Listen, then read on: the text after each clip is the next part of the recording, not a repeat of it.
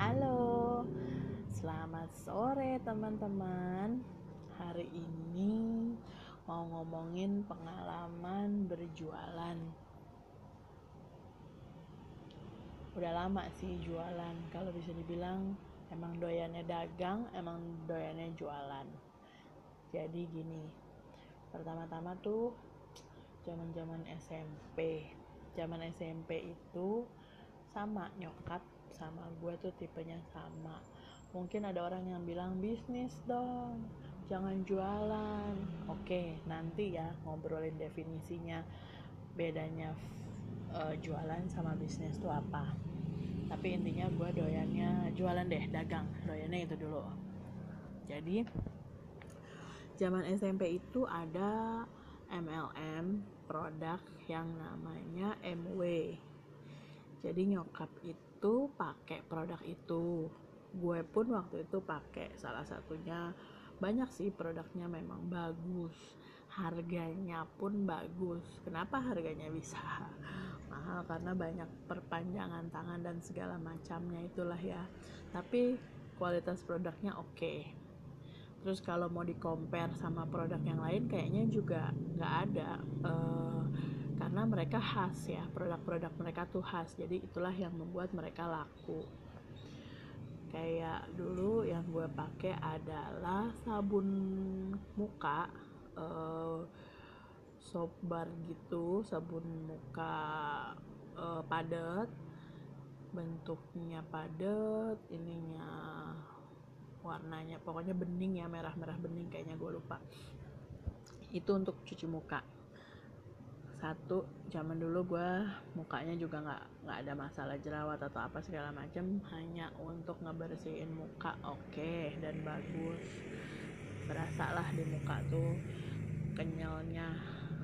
Terus uh, kalau ikut bisnisnya atau ikut MLM-nya atau ikut sistemnya kan ada aturan di mana kita harus belanja sekian banyak untuk memenuhi poin Nah, di situ yang terkadang uh, gue sama nyokap gue males ngikutin uh, apa namanya tuh ngikutin cara-caranya atau apa. Karena itu memang benar-benar sebenarnya harus fokus membutuhkan uh, waktu. Nah kalau dagang lo pakai lo bilang sama orang lo jual oke okay, selesai gitu kan jadilah transaksi gitu. Kenapa nah pas itu ada beberapa produk yang memang nyokap gue mencoba untuk mengikuti ya nyetok nih barang ini barang itu. Terus iseng nggak tahu gimana gue iseng karena tem mungkin teman-teman gue lihat kulit gue aman nggak ada jerawat atau apalah ya zaman SMP mungkin kan zamannya kita masih puber-pubernya kadang ada jerawat kadang apa itu teman-teman nanya ya gue jawab. Gue pakai sabun MW pakai ini itunya segala macam akhirnya mereka pada mau beli.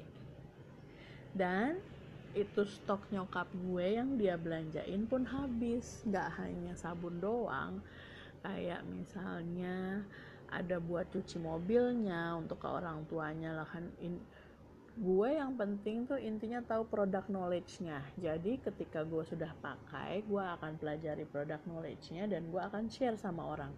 Gue share sama orang itu niatnya memang jualan dan niatnya berbagi. Maksud gue karena itu sebuah kebaikan pasti akan gue bagi.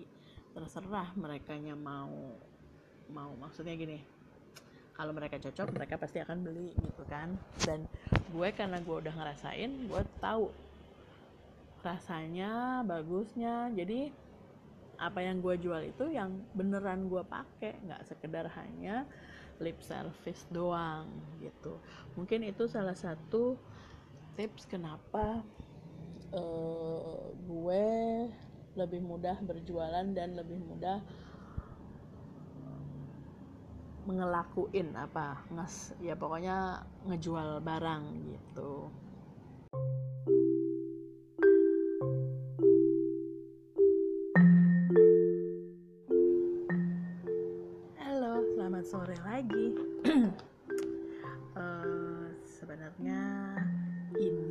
episode kedua tapi ceritanya tuh harusnya di episode ke satu tentang first timer jualan.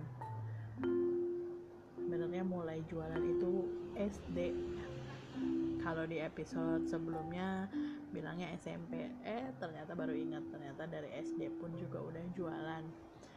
Jadi gini zaman SD itu sekitar mungkin kelas 3 kelas 4an jadi gue sama saudara gue itu jualan jualan vitamin C. Vitamin C dapat hadiah kain perca yang dipotong kotak terus uh, pinggirnya dipotong zigzag pakai gunting zigzag. Nah satu dari mana vitamin C-nya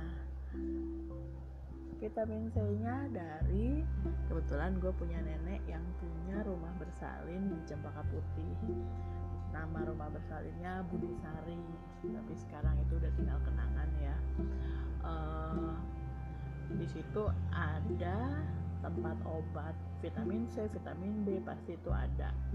Nah, saudara gue yang rumahnya di Cempaka Putih tugasnya adalah mengambil vitamin C dari rumah bersalin nenek gue itu. Diambil, dimasukin plastik, kita isi mungkin dulu 5 atau 10 lupa ya detailnya. Terus gue yang tinggalnya di Rawamangun deket rumah kakaknya nyokap. Gue panggilnya mama.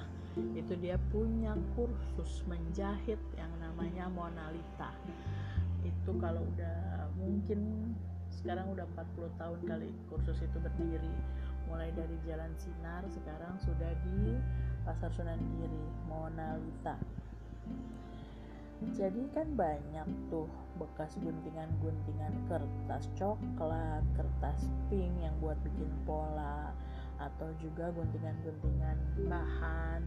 Nah, gue tugasnya adalah ngambilin uh, kain perca itu, kain sisa, kain buangan.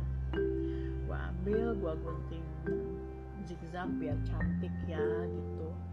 Uh, ya masih kecil juga sok-sokan tahu estetika kali ya atau pokoknya ini lucu banget ya kalau digunting zigzag gitu kan. Oke nah pas kebetulan gue sama saudara gue itu sepupuan anaknya. Jadi tante gue yang punya kursus menjahit itu tante gue nomor dua.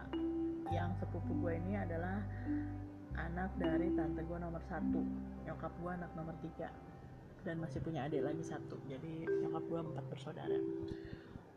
Itu sepupu gue kalau kita satu sekolah dulu di uh, lab school IKIP Romangun jadi ketemu di sekolah kita gabungin tuh si kain perca dan vitamin. Kita jualin lah ke temen dan gue yang menjual gue yang ngecap gue bilang eh jualan nih gue jual vitamin C hadiahnya kain perca kalau dipikir-pikir sekarang ya aduh lucu juga. Dan ada yang mau. Vitamin C 5 atau 10 biji dibeli dengan harganya mungkin berapa kali dulu ya orang? Uh, jajan aja mungkin dulu cuma 50 atau 100 perak. Hadiahnya kain perca.